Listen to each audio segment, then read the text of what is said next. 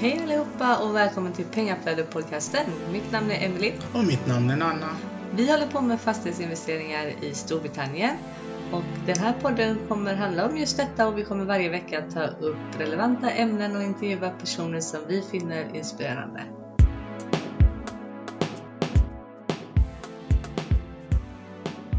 Welcome, Ted Singh, Mr. Sauce.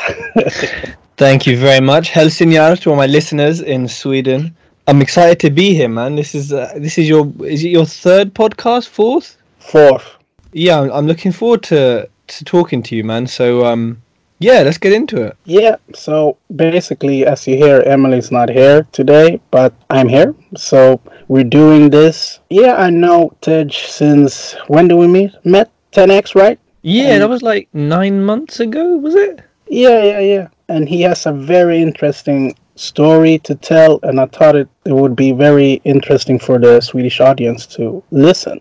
So tell us about your background. Sure. So before I go into property, I was working in pharmaceuticals. I I studied biochemistry at King's College London and I yeah, got a job. It took me like 40 interviews to get a job, which I mean, nowadays it's normal, but was pretty frustrating. So, I had a job in pharmaceuticals. I then lost faith in the industry and just thought, oh, this is not ethical.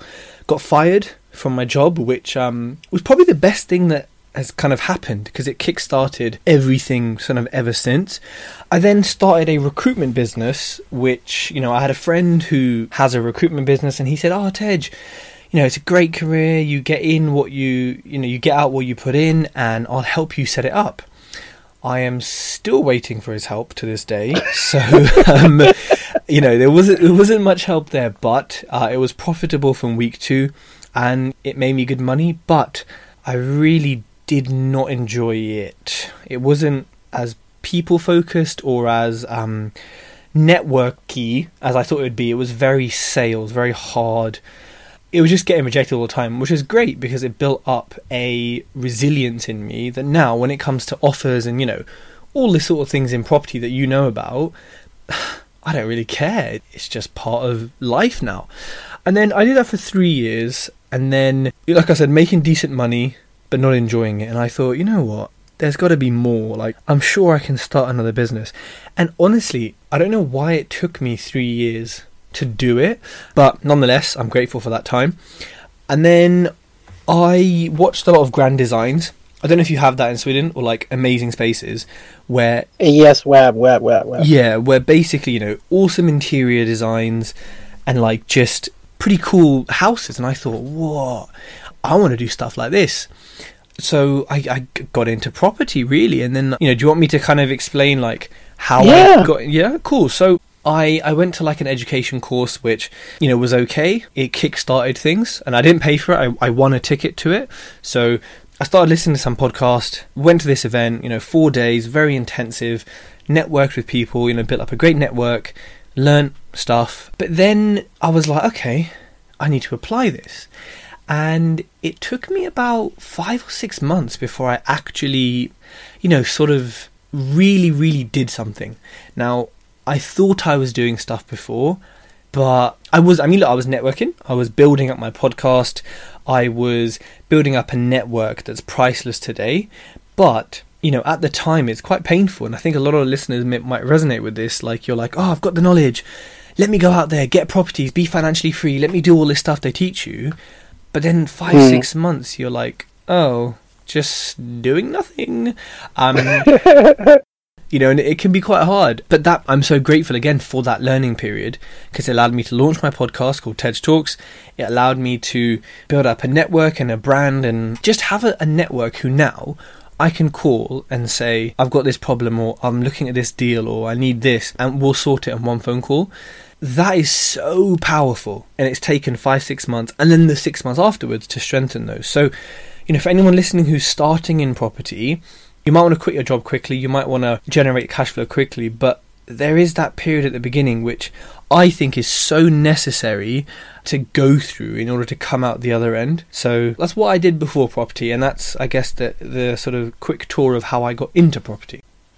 Mm. And did you like have any doubts when you started and like no sayers and people like saying, "Oh, what are you doing? Why are you quitting your job?" And yeah, Good, good, um, good question. Actually, no one's really asked me that. I think the simple answer is no.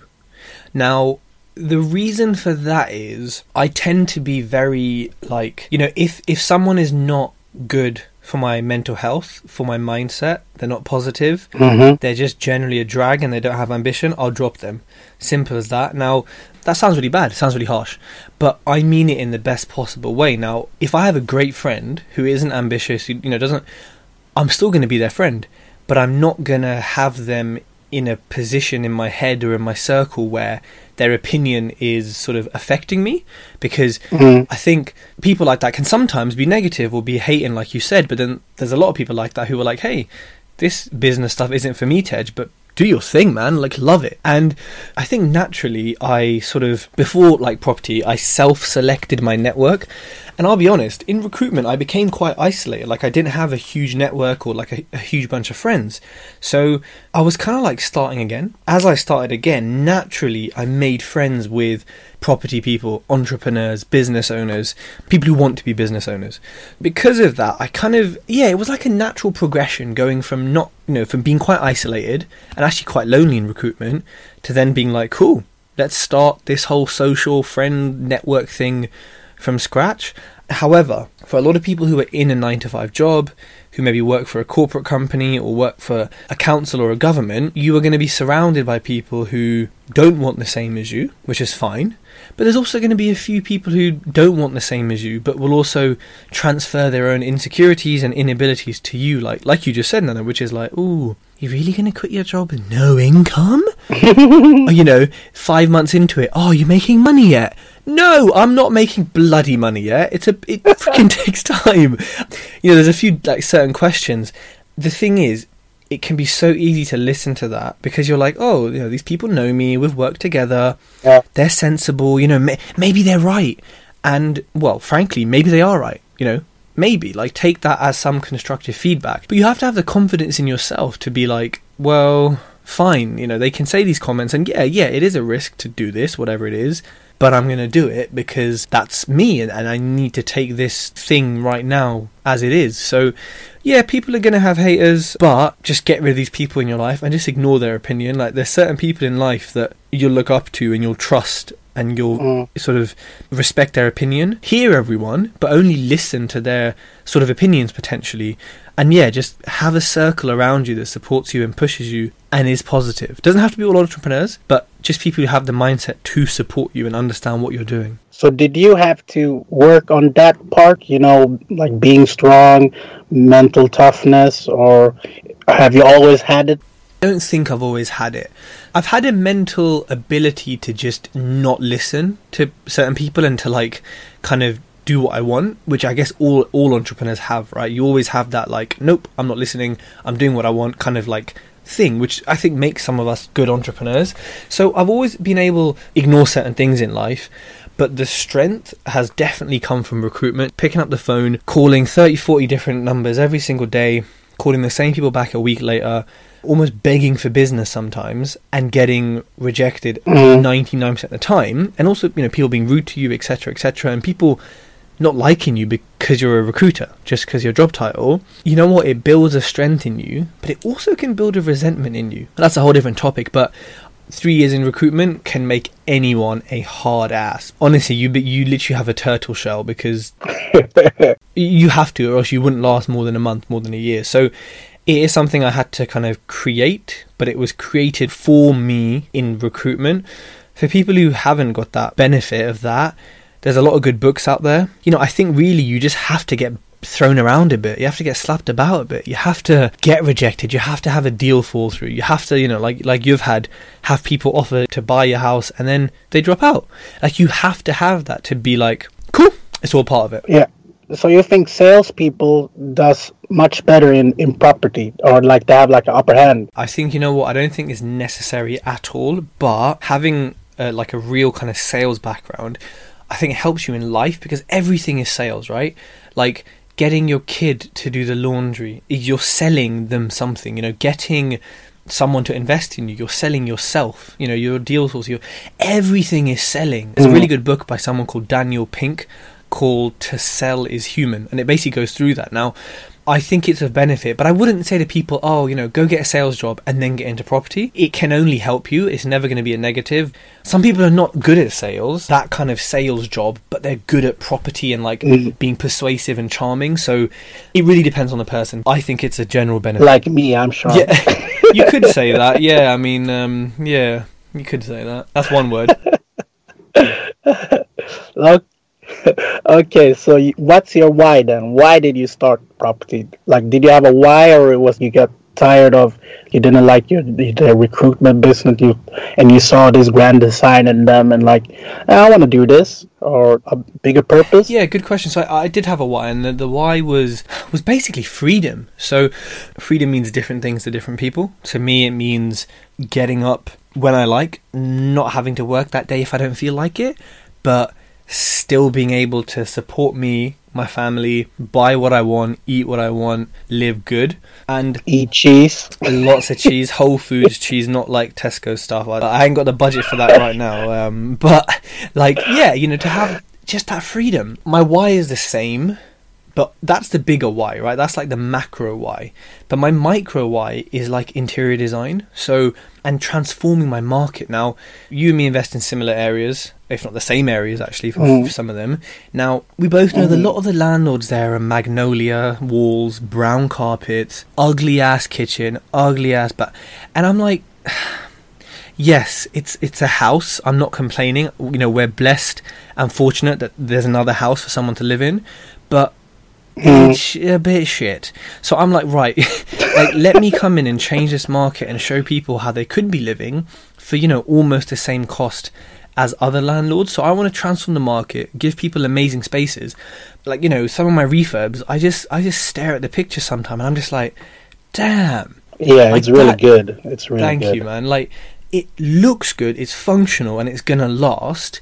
That for me makes me so proud that I'm just like, damn. You know, that's what keeps me going on a daily. Like when it comes to buying houses, I think you know people probably think that I'm like, oh, another buy to let. That's two hundred and fifty pounds a month extra.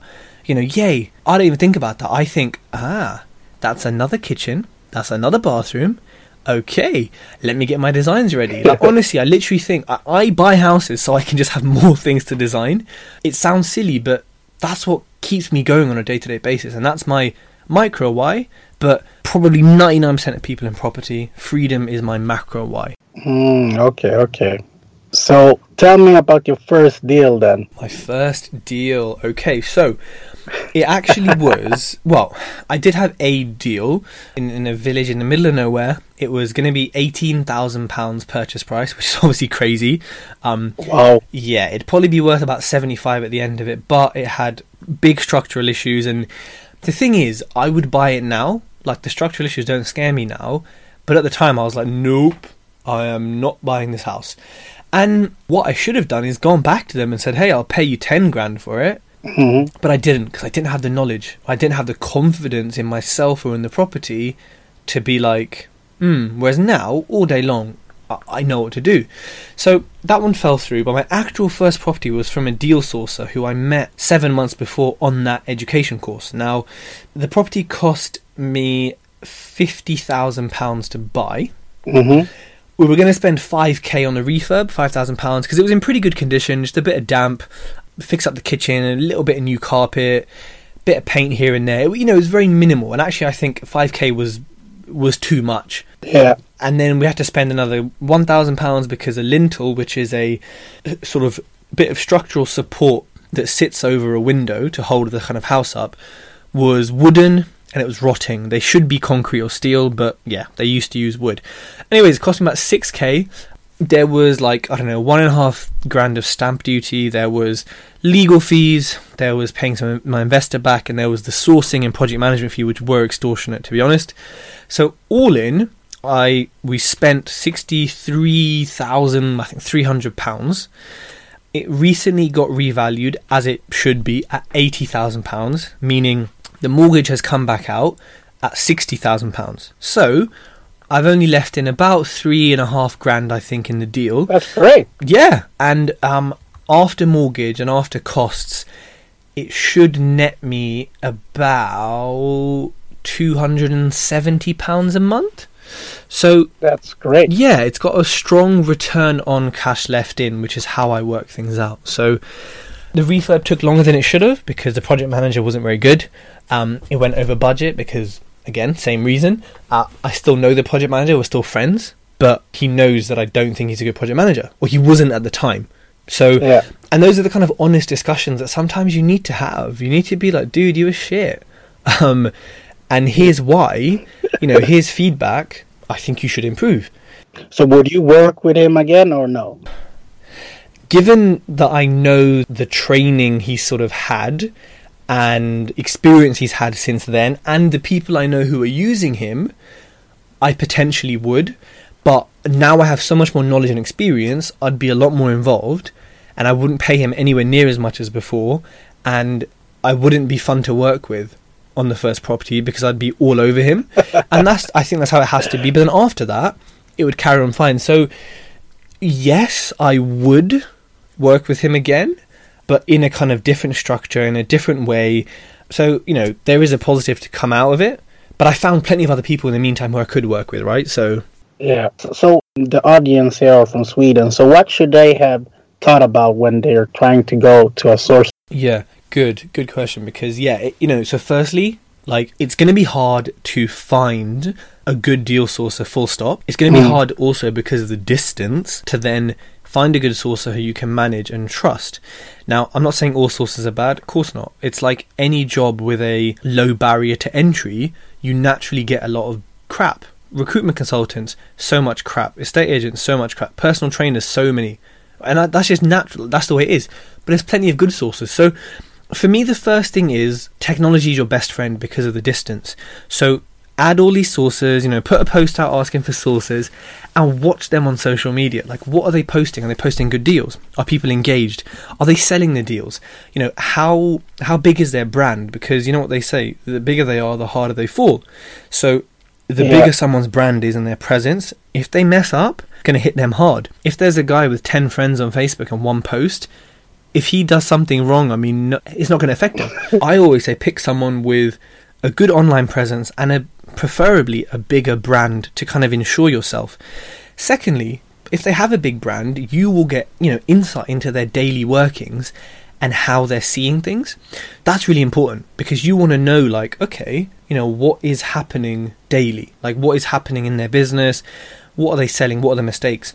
Thirdly, might be difficult and it's not always the case, but it is nice to meet people because, you know, WhatsApp and email and calls, things can kind of get lost in translation. So if you can meet people, you can look into the whites of their eyes, as they say, and really form a judgment about them and see how they behave and how they react. And then they can also show you around their investment area. It's also very easy to lie over email, you know, and calls. But when you're face to face and you're looking at someone's facial expressions, it's a bit different. And this is a kind of new relationship and you both need to be comfortable with each other. So try and meet them when you can. Again, another tip, which kind of I said earlier, is like, review their deals. Don't just find a sourcer, buy a deal. Find a sourcer, look at a few of their deals, get on their mailing list, stay silent, just look at the deals, keep looking, keep looking. Cool, you like the deals. Now you can talk about buying with them. I know Mhm. you jumped in, but you know yours kind of came with a referral, so it's a different kind of story. You know that's another one of my points. If you can get someone to refer you to a sourcer who's used them or who works with them, then you've got an extra level of kind of due diligence done. You know, Yeah. just make sure the person who's referring you is a good person. 'cause like you. well, yeah, you'd hope so, right? So you wanna you wanna kind of make sure that they're referring you well. Once you've bought a deal, are they asking for money up front? Are they asking for an exchange or deposit or on um, completion? Is anything non-refundable? Nothing should be non-refundable. If you pull out of the deal as a buyer, yes, they should keep at least some of the fee. But if, you know, there was something found on the survey or the seller pulled out, that sourcer has no right whatsoever to keep your money because in fact you've probably spent more time and money on conveyancing and surveys than they have and it's not Mm. their money, it's yours. So never sign something that's non-refundable if the seller pulls out or if the deal falls through for things out of your control. Read these contracts and make sure. In addition, some sourcer contracts will be from their limited company to you as a person. You then have personal liability. They then are protected somewhat by limited company liability. Make sure it's either person to person or preferably company to company. And this is not a malicious thing. I don't think any sourcer does this with bad intent. I think it's just what's written on the contract and maybe not understood. But understand the implications of that. So, yeah, those are some of my tips for working with sources. On the other hand, you may not even want to buy property. You may just want to invest your funds with someone like Nana, someone like me, who can give you a fixed return and you don't have to do any work. Yeah. And, you know, given the distance, that may be an option. So before you even engage a sourcer, just think do I want tenants? Do I want a headache? Do I want tax? Do I want conveyancing? Or do I just want the income? And then work out what you want because it may not be owning an asset is great and you know dinner parties yeah i've got buy to lets in in england you know it sounds great but what do you actually want from it so start with that so i hope those tips were helpful So tell me about the baddest deal then. I mean, you know what? I none of the deals have been bad, and that's testament to my team, my process, and the due diligence. Every property has challenges. I mean, every one of my refurbs has gone over budget, whether it be slightly or whether it be a little bit more. However, they've all been within contingency, so the profits and the payments are as expected because I do Mm. worst case, right? So Yeah. if something comes in budget, I'm like, hey, that's extra money, cool. But if it doesn't, I'm like, okay, that's what I expected. And that's the due diligence part, right? Preparing for the worst case. I mean, I've had one refurb that to now has taken like 16 weeks, and Wow, that's long, isn't it? it is. And look, yes, the whole house was being replastered, and you know, it's a total refurb, but it wasn't managed correctly. It was super cold. Didn't get heaters in into the space. Couldn't put the radiators back on because they were plastering. What- Basically, a lot of kind of mistakes made by people, you know, in in the process of the refurb that meant that it's taken way too long. It didn't help that the walls were, you know, crap underneath. It took a lot of plastering to fix them, but it definitely just wasn't sort of handled right. And I think that's been the you know the worst deal because it really right now it should be tenanted and should be bringing me money.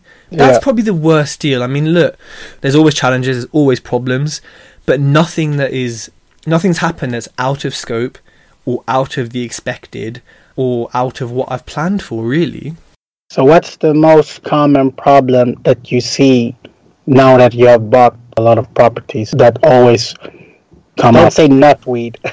Hmm.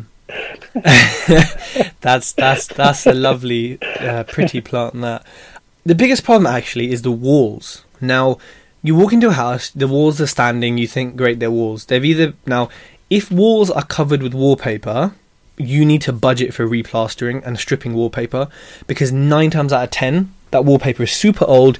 It's hiding old black mortar walls that are crumbling or they're going to crumble, and you have to replaster or you have to tape and joint, which is another way of kind of uh, building the wall in. Now, this is something that has come up on so many houses of mine that you know you buy it, you're like, oh, strip the wallpaper, redo it, but then well, you strip the wallpaper and you're like, oh, this wall is crap, it's junk, it's falling Mhm. apart. You we either re re wallpaper it, which is fine, but it you know you don't really want to do that. Like it's not modern, and also you want to actually, especially if it's like well, if it's a rental or a flip, either way, you want the walls to be as as strong as they can. It's your asset, so that's one of the things where I've kind of been caught out before. But again, it was within budget because the builder said, "Tej, you're going to need a replaster." And fortunately, it was such a there was such a big margin on it; it didn't make a big difference. But yeah, walls. If you see wallpaper, be scared. Add more money for replastering. If they're all painted, generally, if they feel and look fine, then they're usually okay. But of course, houses of wallpaper are usually older, in worse condition, haven't been looked after, so they're cheaper. So it's a balancing act. And and what I do on viewing sometimes is if it's a vacant house and it's just being sold, and I know you know it needs a refurb, I'll just pull the wallpaper off. Oops, Miss Agent, sorry.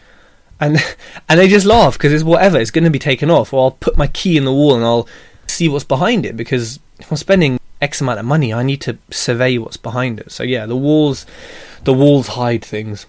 So okay, so tell them about the knotweed as well while we are at it, because people don't know about the Japanese knotweed here in Sweden. So it, it is a very pretty plant, and it was brought to the UK, I think, in the 1800s in the Victorian times, because it was pretty and ornamental. People, I think, used to have it in their conservatories, but it grows like crazy. So they'd literally have it in a pot, and they'd be like, "Ugh, it's grown too much." Chuck it outside, and then of course it takes over everything. Knotweed is classed as an invasive species, which means it will invade, I think, ecosystems and basically kill off other plants. And also, it grows very, very quickly, and also, it can damage the foundations of your houses. Back in the day, I think they also used it for railway banks. That's why you find it a lot near railways. Mm. Interesting fact you know, a lot of plants can spread by cutting or, you know, pollination. From what I understand, all Japanese knotweed plants in the UK are female. So they basically can't like pollinate, and when they do, most of the seeds they all die. I think the main way it gets um, moved is basically humans being silly, or by waterways. So it falls into the water, moves along, and gets caught. That's why you'll see it potentially in some areas near waterways. So Ah. yeah, I mean, I, I think it's a fascinating plant, and the way it grows and how it takes over stuff is just fascinating, right? That a plant can cause so much havoc, and you need to be careful of this. If it's within certain limits, or distances of your house and certain sizes, it can stop you getting a mortgage, or it could, best case, increase the rate at which you get a mortgage. Now, sometimes the rate is so high, it doesn't even make it worth it as a buy to let. Mhm. And then sometimes if you're going to sell it on, you got to think of the end purchaser. Is their first time buyer or whatever mortgage going to be happy with it? Sometimes, sometimes no. Is not something that I think beginners in property should Take on. yeah, just buy and take on without research and understanding and speaking to professionals. So be wary of it. In the summer, I think it's very easy to spot. In winter, I know, Nana, that I'm going to buy houses this year in the coming few months that are going to have knotweed, potentially, and I may not spot it because of how it hides in the winter. Yeah. That's just fortunate for the sellers, isn't it, who get to hide it. So, yeah, be careful in winter, but in summer, it is it's very obvious. Okay. You bought a lot of properties through auctions, right? And why? Well, no, so I've only bought two through auction, but I've bid on about 36. and and that's my first point, right? You're going to bid on so many of these properties, but you're going to win such a tiny amount. Are you ready for auction? Are you, you know, is your business geared up for that? Do you want to spend £200 per legal pack? Are you going to send a surveyor around for £200? And that's why I didn't go to auctions when I was new, because I was like, you know what? I'm not going to identify this crack. I'm not going to know what the hell's going on. I don't know how to read a legal pack. So I'm just going to learn separately and then come to auction. So now when I go to auction, I can read the legal pack myself. If there's something that stands out, I will call my solicitor and be like, look, mate, just give me two minutes of your time and help me, and they'll do that. Or I can identify cracks, structural movement, things like that. I've just learned to identify, but I also have a good project manager who is a, who's very structurally trained. Send him a picture, send him a video, mate. Literally full report, full costing, done. I'm like wicked. So wow. um, yeah, and that's the power of your network. Yeah, auctions are great. However, you're going to view a lot. You're going to bid on a lot. You're going to read a lot of auction packs at 11 p.m. for a week, and then you're going to get no properties. And that's that's just how it is. If I could buy from auction every month, I would love it. 28 day completion, no fuss, no hassle. The legal package, I mean, it's to buy from and to sell from, it's beautiful because there's none of this three months waiting for the other side solicitors. Uh uh it gets done. and that's why, for me, you know, I potentially will slightly overpay above my max bid at auction because of the convenience, because that saves me money being able to buy it quickly with no hassle. But I've only learnt that because I've failed at auctions, because I've realised, hold on a minute, this three months waiting for the other side solicitors, rubbish. It took time to really kind of understand that and actually physically be like, cool, let's do it. And actually now, kind of got to the point where I'm trying to outsource things more often. I'll just text the auctioneer, that you know, the people I know there, and say, listen, I can't make the viewing. Can you just send me a video or pictures? And they'll do it. And I know they're not going to hide anything like cracks or knotweed, and I'll bid off that. But again, it's taken me six months of being in property full time to have the confidence and trust and you know relationships to do that. Mhm. And I think I have to say this and repeat it because it will take however long it takes to get to that kind of point, and I'm not even anywhere special, right? Yeah, we can talk about that. You've done your grinding very good. What can I say, man? I just uh, I enjoy what I do. So tell us about your areas that you invest and why do you invest there? How come? Sure. So um, I invest in South Wales, which is is quite far from Sweden, I think. the weather's probably similar though. Um, now look, everyone asks me this, and I say to people, look, I invest here for the exact same reasons that you invest where you invest. You know, I say it to everyone. I say, look, good rental demand, good sales demand, and in certain areas such as Liverpool, Durham, Scotland, etc., low entry prices, high possibility of not leaving in much money. And I say to people, look, there's plenty of areas, well, not plenty, but there are a few areas in the UK that you can achieve this in. My area just happens to be, you know, two, three hours from where I live. It happens to be like the most beautiful place in the UK. It is stunning. And the people are so friendly, unbelievably friendly. Like, I feel like I'm on holiday when I'm there. Like, I honestly, mentally, it is such a, oh, it's just lovely, man. Just thinking about it makes me smile. Like, it's great. So, when people ask me, oh, where should I invest in the UK? I say, look, it's a very personal thing to you. But let's say I had totally free choice, and let's say location meant nothing, and I had a private jet and I could get to place in 10 minutes, where would I invest? It would be Liverpool because it has huge economical and fundamental factors that where I invest don't exist yet, or they don't exist to the same scale. Now, I'm comfortable with that. However, a lot of people wouldn't be. And I just think Liverpool is such a great area. Looking at the property prices, looking at what you can do, and just looking at what the amount of development that's going on. And like I said, the economy, business that's happening up there, and the kind of hipster, you know, cool areas. You know, like I like Liverpool. It's a nice, you know, the city centre's cool, it's chill. It's got everything for me that is like this is about to be a very populated metropolitan city. So you think Manchester is like. Liverpool is the new big thing because people have invested a lot in Manchester, and before Manchester was a lot of in Birmingham, right? And, and yes. now it seems like it's Liverpool, or or do you think it's like both? I think you're right there. Birmingham is a very tough market. There's still people making it work, but I think it's a very tough market. Looking at auctions, looking at things going over market value. It's too close to London. It's too easy, right, for rich Londoners to be like, oh, Birmingham. I know Birmingham. It's close. I understand it. Let's invest there. HS2. You know, it's just so obvious. So of course, money piles in. Manchester. Again, I'm speaking from like external experience and from my network, not from having invested there. But I think Manchester's sort of reaching like a, a peak in terms of saturation of investors and maybe property prices and availability. Now, that's not to say it doesn't work or it's not a great place to invest or there's not plenty of places to invest there. But like Liverpool is like Manchester sort of two years ago, right? Mm. And if you want to be somewhere, you want to be sort of before the hype, right? Yeah, that's yeah, why yeah. I say Liverpool. But I still think Manchester's great. Like the northeast, Darlington, Durham, again, great places to invest, and there's plenty happening in the north. You know, the government are putting a lot of money in there. So for everyone listening, these are my views. These are not like predicated on a huge amount of research from my network and from my experience. People were um, spamming you and say, "Why did you took me to Liverpool?" yeah, I'm not responsible for anyone's actions after this. Uh, okay, okay. So tell us about your journey, how you scale up so quickly. I know about it, but the people in Sweden don't know.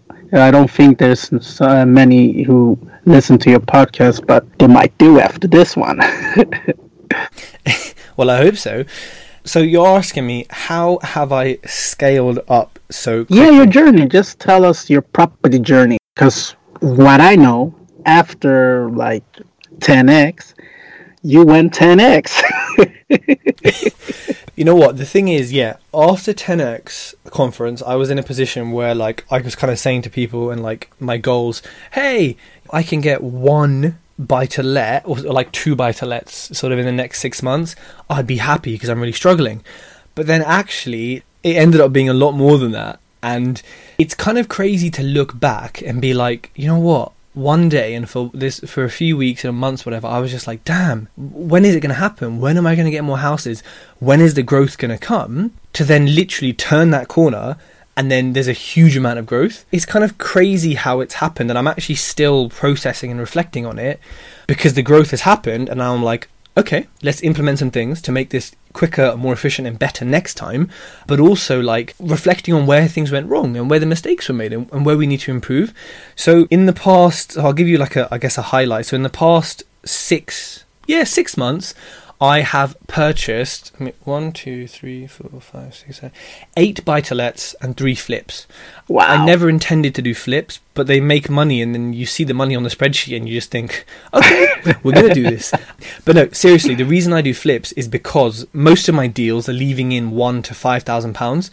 And when I've got an investor funding that deal, who's paying them the 5k? So for me, the flips, from what I've kind of planned, you know, they'll make 30, 40, 50 grand, whatever, across three or four of them. I'm not going to see too much of that. A lot of that is going to go on paying my investors the money that's left in the deals that they're owed. And then technically making it a free house, right? Because I've generated the money to pay off the investors you know, it's like startups, right? Like in Shoreditch in London, they they all kind of sacrifice things for a year to have that mm-hmm. growth. Yeah. And for me, hey, I'd love to take 15 grand of profit from my flip, but if I've got three buy to lets that I now owe an investor 5k from that I've left in the deal, then I'm going to give them that 15k because it doesn't matter to me because they need to get paid first. That is Yeah. the priority, and that's what we've agreed, and that's what's going to happen. So, a lot of my deals have been funded by investors. I've raised four hundred and forty thousand pounds in the past two and a half months. I kind of stopped for a bit, and then was like, okay, money's up, deals, let it balance out, and now I'm back kind of fundraising. However, I have to say this: yes, I raised four hundred and forty grand in two and a half months, but how long has it actually taken me? It's taken me twelve months.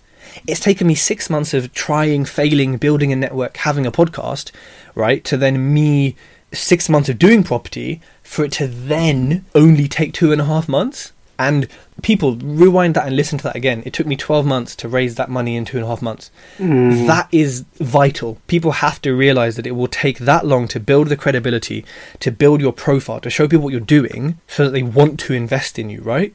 And so, you know what? The journey's been, it's been amazing. You know, I've learnt so much in such a short period of time. I've gained so many skills that are going to be so useful moving forward. I've made mistakes. I've had challenges. I've had so much that I've learned from that I look back and think, why the hell did you do that, boy? you know? But but then you learn from it and then you do better moving forward.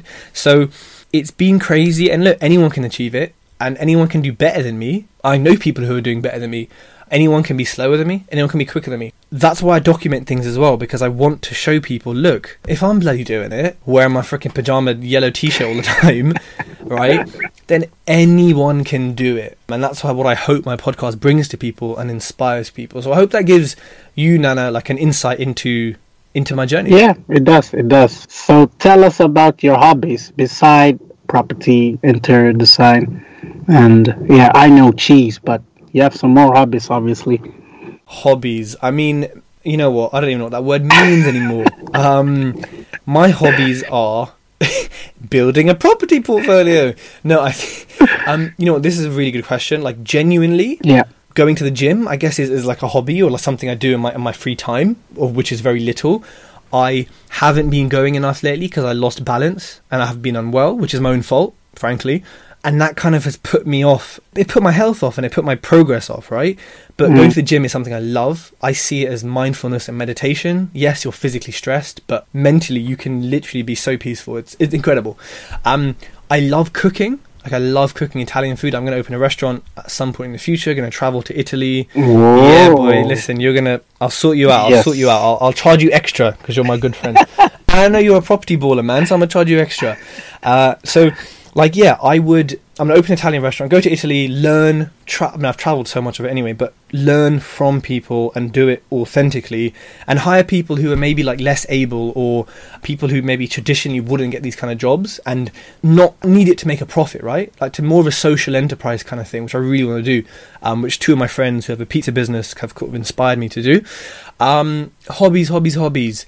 I don't really play sports. I do like tennis. I do like badminton. Honestly, hobbies is like this is the toughest question you've asked me. ah, playing Xbox. I do like playing video games. I guess it's like a kind of escape from stuff. And if you get to be like, you know, an assassin in Egypt back in the day, or you get to be like a, a Call of Duty soldier, I mean, it's pretty fun, right? um, so, yeah, Xbox, cooking, spending time with my girlfriend, who's now my fiance. Whoa, Um, congrats. yeah, uh, thank you, sir. Yeah, you know what? Social media stuff for me is sort of a hobby. Like I love, I love creating things. I love spending time on Canva designing things. So I think for some people it might be something they want to outsource or a job. But I'm just like, hey, if I can just design stuff all day long, happy days. I think those are my hobbies or what is left of them, yeah. Okay. So ongoing deals and future deals. Okay. Ongoing deals. There's a I'm looking at my whiteboard because there's a few. Let me which one should we talk about?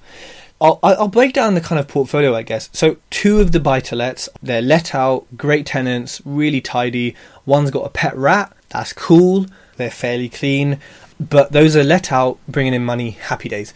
All the others are in refurb. So, I've got one, two, three, four, five, got five buy to lets in refurb. Now, this is quite a painful stage because like Christmas. Yeah, Christmas, and also when a property's in a refurb, it's not making you money; it's just sucking away money, and then you're still potentially paying interest on a bridge. So, yeah, ongoing is a lot of refurbs that I've been told should be finished sort of in a week before Christmas, or if not, kind of just around Christmas.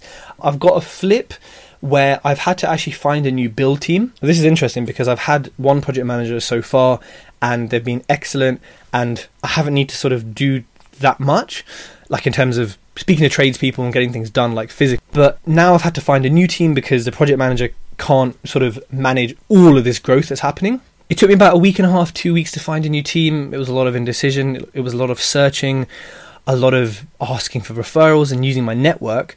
But that team is starting on Thursday, uh, this yeah as in two days from now and they should be done by the end of january. And that is a flip where you know what i said about the walls earlier? Yeah.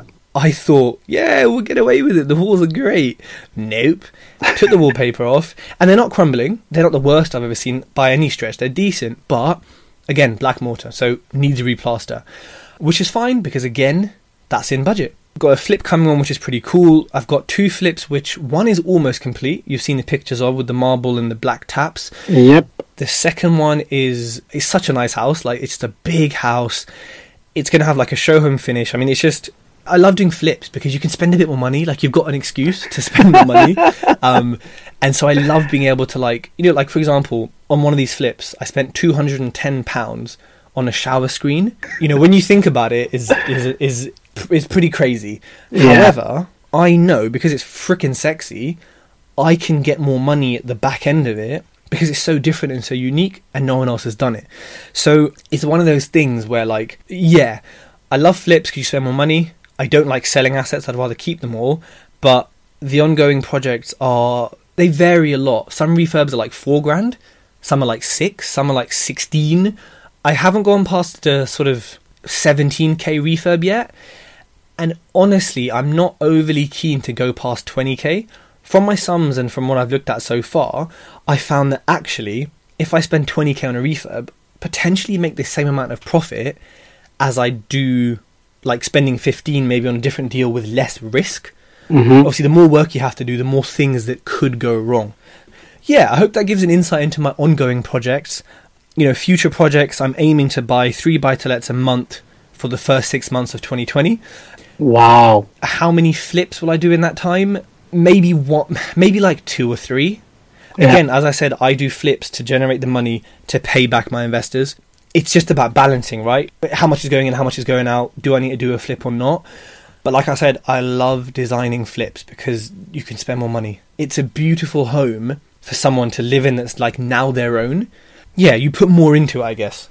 Could you tell us about the cross bridge that you did with your houses? Because the Swedish audience don't know how to do that. Okay, so the cross bridge, fine. Um, uh, this is things here that like I always struggle to explain, and everyone looks at me really blankly. So, okay, let's do this. I had a house that was unencumbered.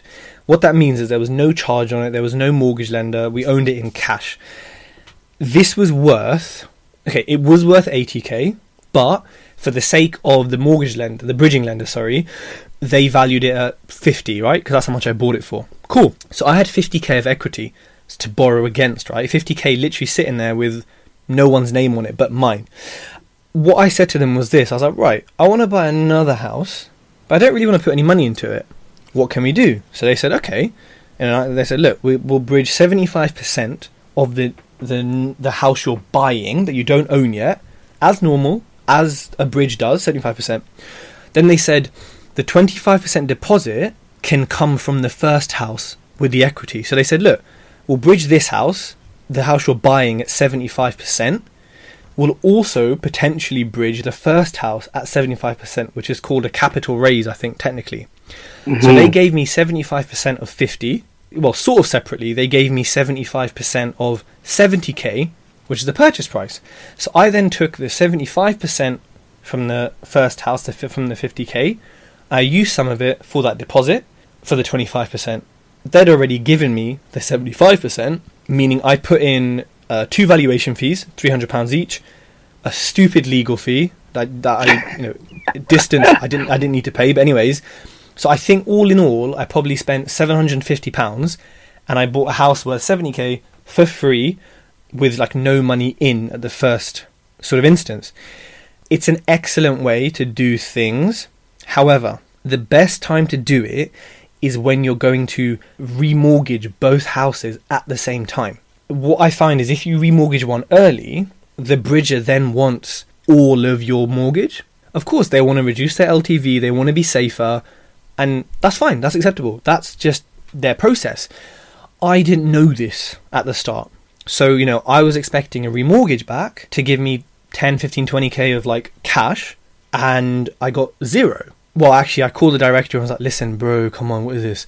And he got me 5k. The, the fortunate thing about this is the first investor on that deal was a family member Mm, not fussed when they get the money back. So on the interest. okay. So fortunately, I said it hasn't even been 12 months. So I said to them, yeah, we're still on track for 12 months. If it wasn't a different investor who wants their money back in six months, I'd be in a tricky situation. These sort of things need to be researched at the start, and you have to ask bridges the right questions because they're easy money, but they're not necessarily helpful money. Although my bridges are amazing, I love them, they're great. We have to know things too. So yeah, cross bridging is great, but if you can remortgage at the same time, even better because you'll get all your money back out. But I bought two, you know, a house for free, and then what was left over from that capital raise was enough for another deposit. So I technically bought three sort of, well, two houses from the cross bridge with no money in. Pros and cons, right? Yeah, yeah, yeah. It's always like So- that. Why don't you believe in courses or mentors? um, this is this is a good question. Look, it's not that I don't believe in courses or mentors. I just think there's a lot of shit ones out there. And again, it's very easy to pretend to be a property god, goddess, or you know, to have all these houses or do all this stuff. I'm not saying like, there's a lot of bad ones out there because it's easy to pretend to be one. What I'm saying is that mentoring and like educational training are different, right? Mentoring is like an ongoing thing that pushes you up a further level and supports you through things, whereas training is like an upfront, right? Boom, here's your knowledge. I believe in both, but because I'm a cheap Indian, um, I just haven't ever had to pay for education, but I've become educated. I may have paid for it in time. It may have taken me six months to be educated, whereas it may have taken someone here a weekend to be educated. But I think there's differences in the depth of the education. I think that there's plenty you can learn. Here's my theory. I call it Nando's budget. so, how much? Wait, you have to explain what Nando's is. We don't have Nando's here in Sweden. Okay, so for the for the listeners in Sweden, Nando's is like it's a Portuguese and African chicken joint. It's amazing. Like the interior design's great. Food is like decent price. A bit small portions, but the flavors are are banging and it's consistent. Like it's really good. So, how much does a property course cost? Let's say one thousand five hundred. Now, how many Nando's can you get for that at eleven pound each or twenty quid for two? So I say to people, look, if you took the money from a course and you spent that asking people who are inspiring or doing things you want to do to have dinner with you or to buy them coffee or something, yes, it would take longer, but you would form a hundred times the relationships, potentially get hundred times more of the knowledge, but also you like build relationships that you wouldn't get from a course. So I say to people, look, consider that. Consider the money you were going to spend on doing, you know, my what I call my Nando's budget. Because it, it, it may work better if you, it may not. If you hate your job and you hate your boss and you want to quit tomorrow, then don't do the way I do it. because it takes Yeah. too long. Like, don't do that. You know, I'll be honest. Mentors, I think mentors are useful in, in when you're in a certain position. I'm kind of getting to the stage where I'm not considering a mentor yet, but I know in a few months it will be time for me to consider one. How come? I think in a few months I'm going to come to a point where I'm like, right, I'm doing what I'm doing. Like, how can I take it to the next level? Or how can I continue at this level with less input from myself? Or how can I then jump into, I don't know, blocks of flats? I think there's two types of mentors.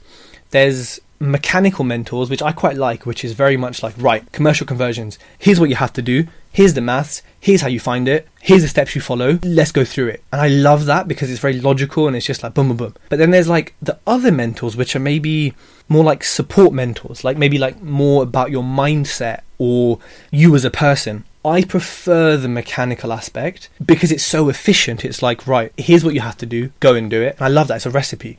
So, yeah, I think in, in a few months it will be time for me to consider one. Whether that's like a fully paid thing, whether that's someone I know and we work something out, or whatever it is, I think it will be time for me to at least try it. You know? So, your property future, what do you want to do in the end?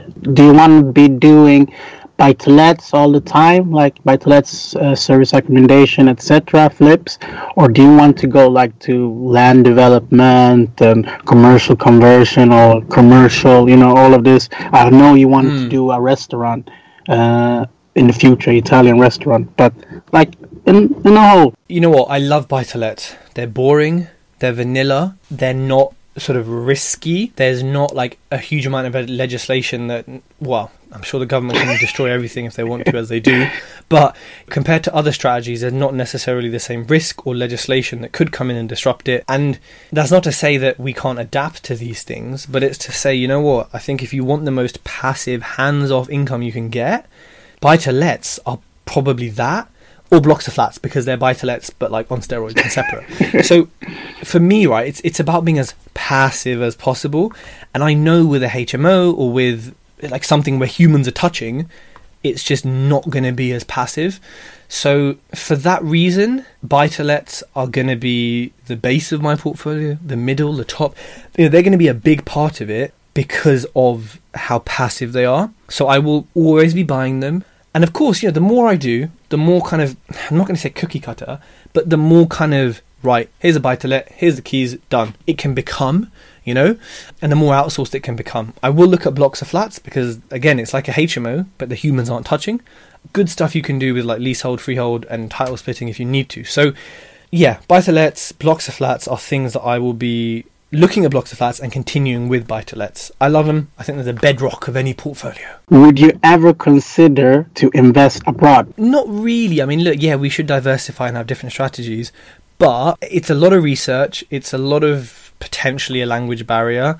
It's a lot of me asking, why do I need mm. to? You know, and I think the, the global markets are connected. I think that's like a fact they are. I don't really see the need to. Hey, when there's a lot more money in the bank and we're in a different stage of life, yeah, potentially, you know, like whether it's a holiday home that I then let out or an Italian castle, which is definitely up on the mood board. You know that uh, in Italy they're selling out their uh, houses for one uh, euro and so. So maybe you should go Yeah. there. I saw that. Uh, yeah, I do. But you know what? That, someone emailed me, asked me, do I want to be on TV, buy a house there, and do the refurb? But they said you have to fund the refurb yourself. And these houses are shells, like stone built shells. So it literally, it would cost like 25, 30, 35k euros to fix them. So I was like, hmm, I don't think I'm going to spend that in a remote village. Um, so yeah, not for me right now. Okay, so what would you have done differently if you started out today? Today, today, today. Ooh, okay. What would I have done differently if I started out? I. did you know, this is a good question. I know I never. Christmas is my time for reflecting because I've been so busy doing it. I just haven't had a chance to think. But I think. So I built my network, which I was happy with. So for me, like, I wouldn't change that. I would encourage that. I started out again, I'd have more confidence in myself from the beginning and I would engage experts earlier on. Like if I saw cracks or if I was scared of an auction property, I would just be like, right, who can I find to help me do this? Like who, you know, do I need to pay a surveyor, whatever? I would have just taken the hits in order to grow quicker. Easy for me to say looking back, like, oh yeah, Tej, you should have spent all that money. But I think I would have engaged experts quicker. I would have had more confidence in myself. I would have I read a lot, I listened to a lot of audiobooks. I think maybe I would like build more build teams so that if one couldn't handle it, I can chuck out to another. And if they couldn't handle it, I could chuck out to another. And maybe just build up my network of tradespeople because like building flat pack furniture, for example, I've had to do that for my SA. My Yeah. SA is three and a half hours from home. That is very long. And you know, like I've found someone who's great, he lives locally. You know, just text him saying, "Hey mate, can you build this? Can you stick this up on the wall?" And he does it. You know, video calls me to make sure everything's you know in the right place, and we're done. And I'm outsourcing my time. Now I would have done that a lot earlier. Now again, it's easy for me to say that because it costs money, but if I did it earlier, I would have had four hours extra free to go raise more money to Yeah. go buy more houses. It's like income generating tasks versus non generative tasks like admin. Yeah, that's what I would do differently. Like, I, I don't mean this in a cocky way, but there's not a huge amount I would do differently. Because I spent six months building that foundation, I kind of made sure those boxes were ticked. But there are a, quite a few little bits and bobs I would change, you know, like just being more specific with refurbs and specs of work. Like, I don't notice certain things, but earlier on, I wish I'd noticed them because now I do. Ah, okay, okay. Emily just came into the room. so, if you could just give someone who is starting out three tips, what would that be? I like this question. I ask this to people on my podcast as well.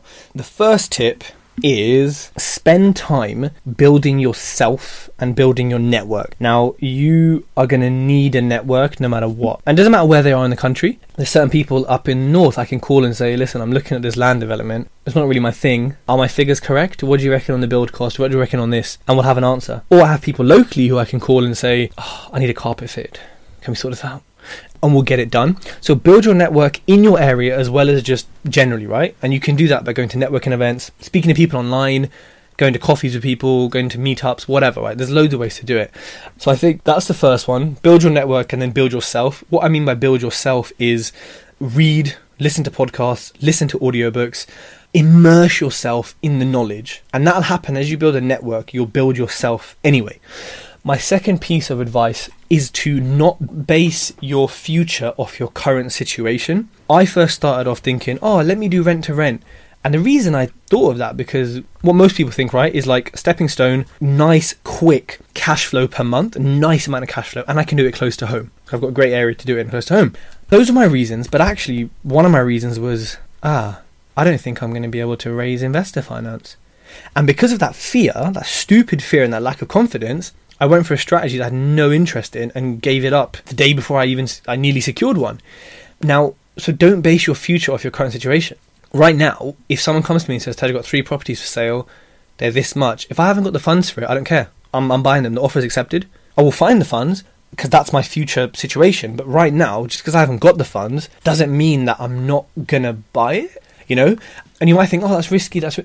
fine. There is an element of risk to it, but it's having the confidence and experience and knowledge that you can raise that money. It is tricky at the start and it is scary and it's not going to happen naturally or easily, but don't base your future sort of wants and desires off your current situation. Base your future off what you can achieve, which is absolutely anything. Another bit of advice. Ooh, I've said network. I've said um, have more confidence in yourself.